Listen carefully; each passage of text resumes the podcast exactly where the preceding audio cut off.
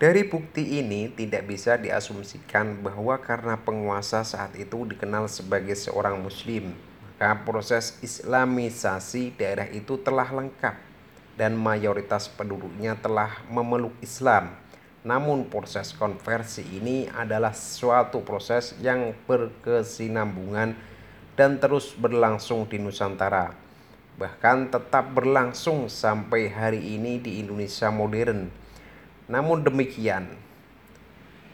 titik balik yang jelas terjadi adalah ketika kerajaan Hindu Majapahit di Jawa dihancurkan oleh kerajaan Islam Demak pada tahun 1527.